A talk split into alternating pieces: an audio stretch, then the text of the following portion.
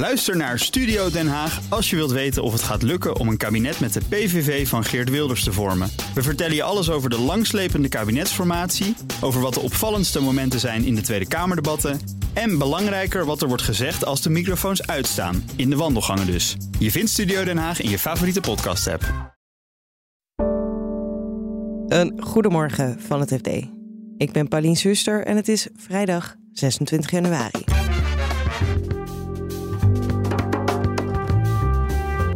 Femke Halsema pleit voor een gereguleerde cocaïnemarkt. Dan kun je daar misschien grip op krijgen. En het liefst zou je dat dan ook internationaal willen doen. En dan krijg je misschien wel een soort van fair trade coke. Biograaf Michael Wolff waarschuwt ons voor een mogelijk nieuw presidentschap van Trump. Ik zou als, als ik Europeaan was, zou ik minder rustig slapen.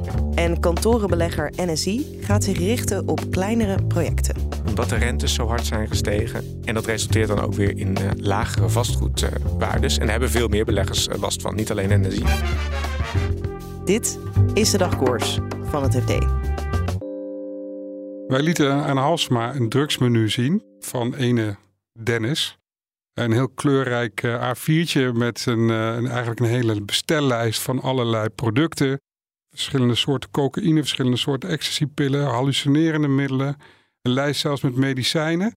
En daar stond dus ook bij dat hij uh, alleen thuis of op hotelkamers aflevert. Betalen kan in cash of bitcoin.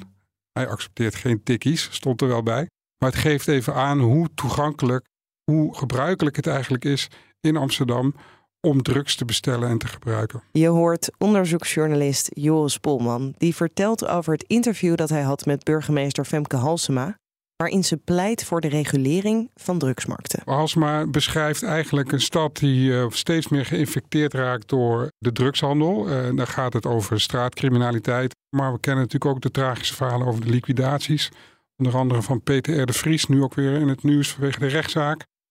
Maar daarnaast heb je ook de vele miljarden die worden verdiend in die handel, die slaan ook neer in, in de stad in de vorm van witwassen, uh, vastgoedtransacties die, waar een luchtje aan zit. Zij beschrijft de monocultuur in de binnenstad, dus allerlei toeristische winkeltjes waar geen hond lijkt te komen, maar die wel kunnen bestaan op allerlei dure locaties in de stad. Raar, hoe kan dat? Nou, ook dat, daar hangt dus een geur van, van witwassen aan. En dat zijn allemaal effecten die zij ziet waar zij eigenlijk uh, natuurlijk het liefst zou ze daar een einde aan maken. Daar komt de war on drugs ook vandaan. We willen uh, dat er tegen wordt opgetreden. En dat is al jaren aan de gang. Eigenlijk sinds de jaren 70, 80 is dat, uh, is dat gaande. Internationaal, ook in Nederland. Er worden records gebroken met in beslag genomen partijen cocaïne. Jaar op jaar wordt dat meer. En toch heeft dat dus geen effect. Dus denkt Halsma, misschien moeten we het wel over een andere boeg gooien.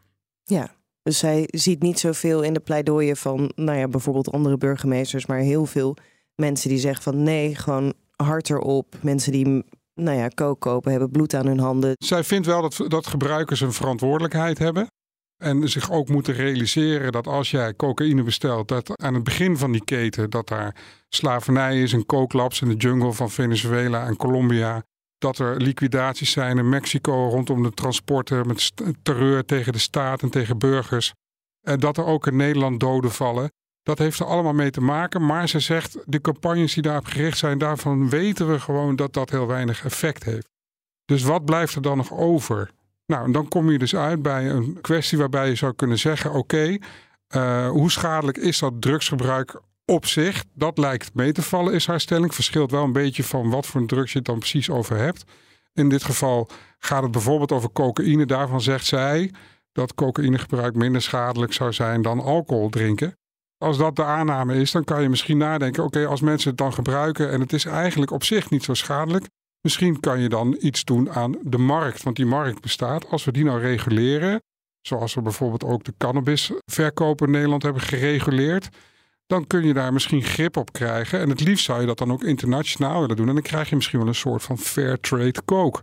Coke die uh, op een enigszins verantwoorde manier is geproduceerd en geleverd. En waarmee je dus, en dat is de kern van haar verhaal, waarmee je dus het verdienmodel van de georganiseerde misdaad onderuit haalt. Want als we daar naar kijken wat ze dan precies wil, je zegt heel duidelijk, ze wil het reguleren, niet legaliseren. Ja, dat is voor haar een heel belangrijk punt. Ja. Hoe, hoe zou dat eruit zien dan? Wat is dat als je het wel reguleert, maar het nog steeds illegaal is?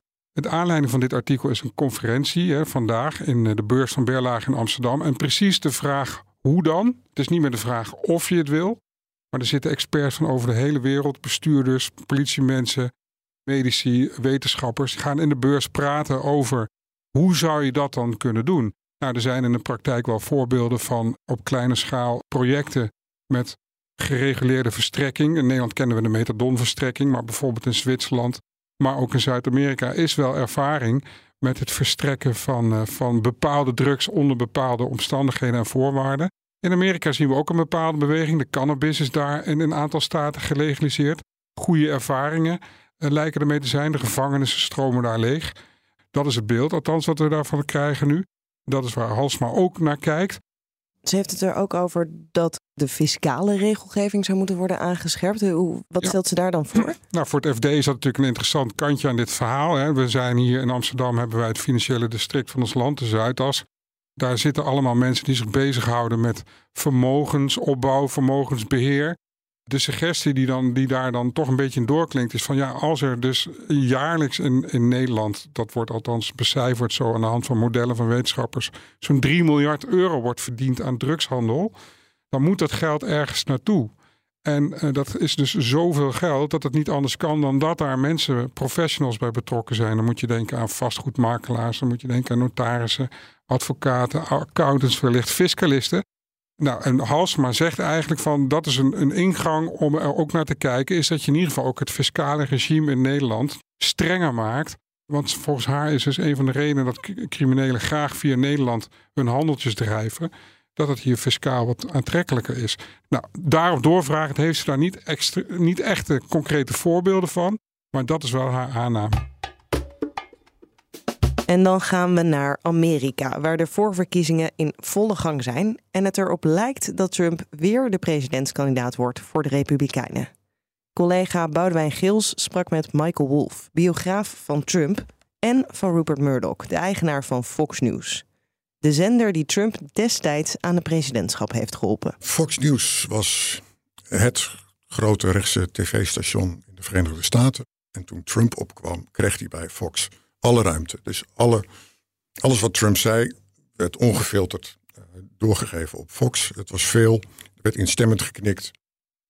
En dat zorgde voor hele hoge kijkcijfers. Presentatoren merkten dat ook, dus die gingen daar heerlijk in mee, zoals Tucker Carlson en Sean Hannity. En zo kon Trump heel groot worden met heel veel airtime. Wat ik zelf niet echt in mijn hoofd had, was dat Wolf zegt dat Murdoch daar helemaal niet blij mee was. Nee, want uh, Rupert Murdoch is wel conservatief, maar meer uh, ja, Thatcher-achtig conservatief.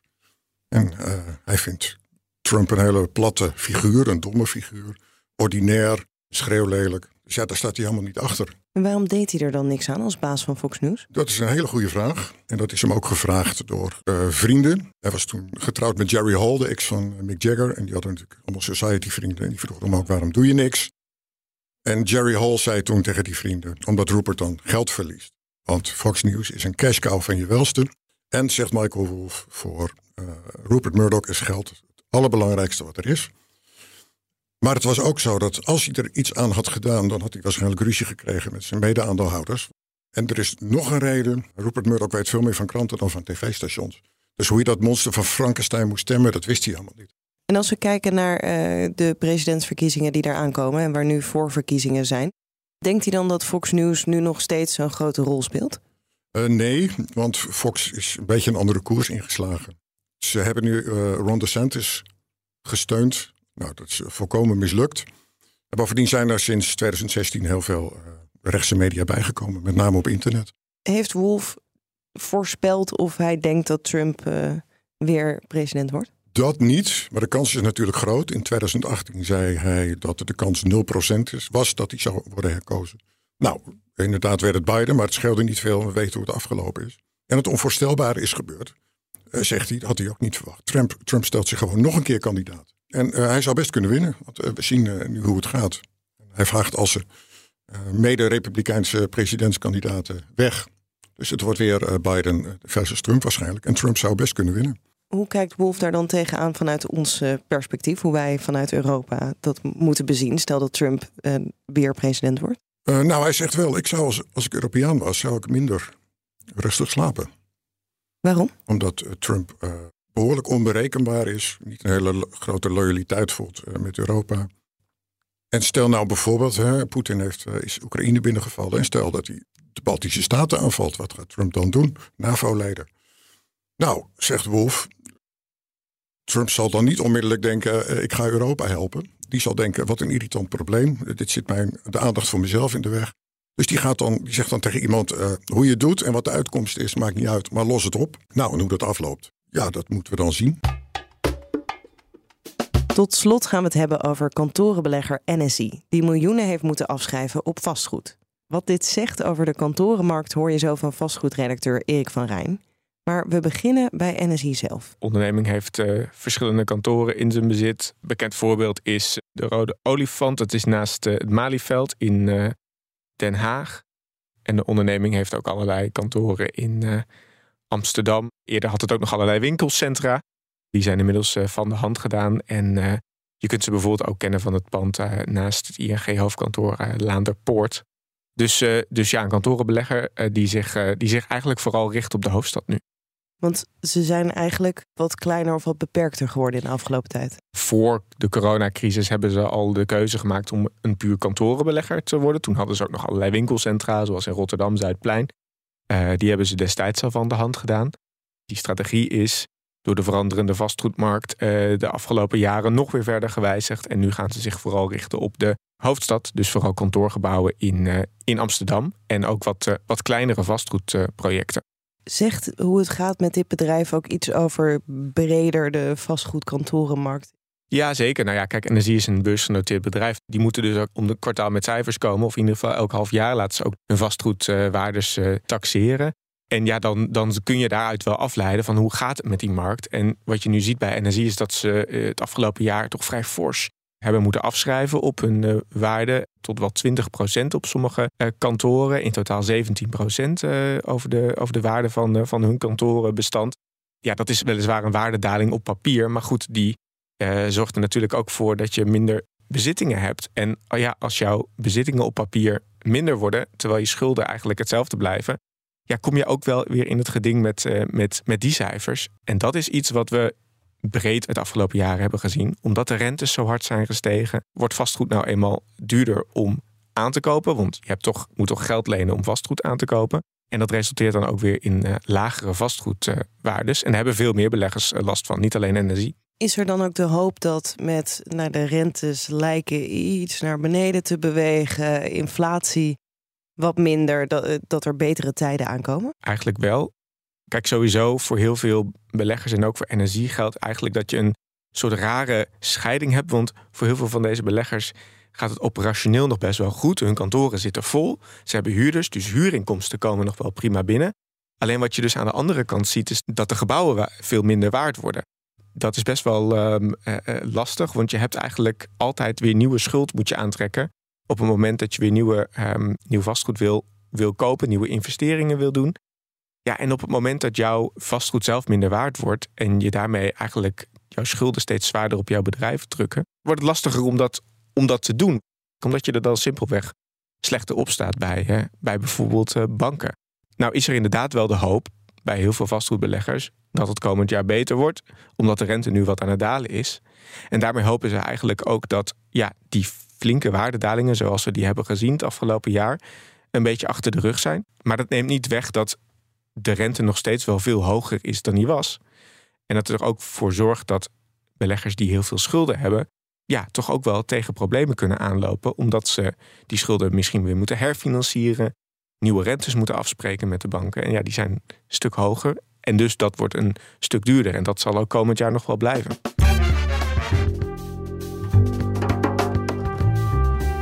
Dit was de dagkoers van het FD. Wil je onze verhalen niet alleen luisteren, maar ook lezen? Probeer dan het FD vier weken voor slechts 1 euro. Ga naar fd.nl/slash dagkoers en meld je aan. Maandagochtend zijn we weer terug met een nieuwe aflevering. Alvast een heel fijn weekend en graag tot maandag. BNR ben je altijd als eerste op de hoogte van het laatste nieuws. Luister dagelijks live via internet. Bas van Werven. En heel langzaam komt de zon op rond dit tijdstip. Je krijgt inzicht in de dag die komt op BNR, het Binnenhof in Nederland en de rest van de wereld. De Ochtendspits. Voor de beste start van je werkdag. Blijf scherp en mis niets.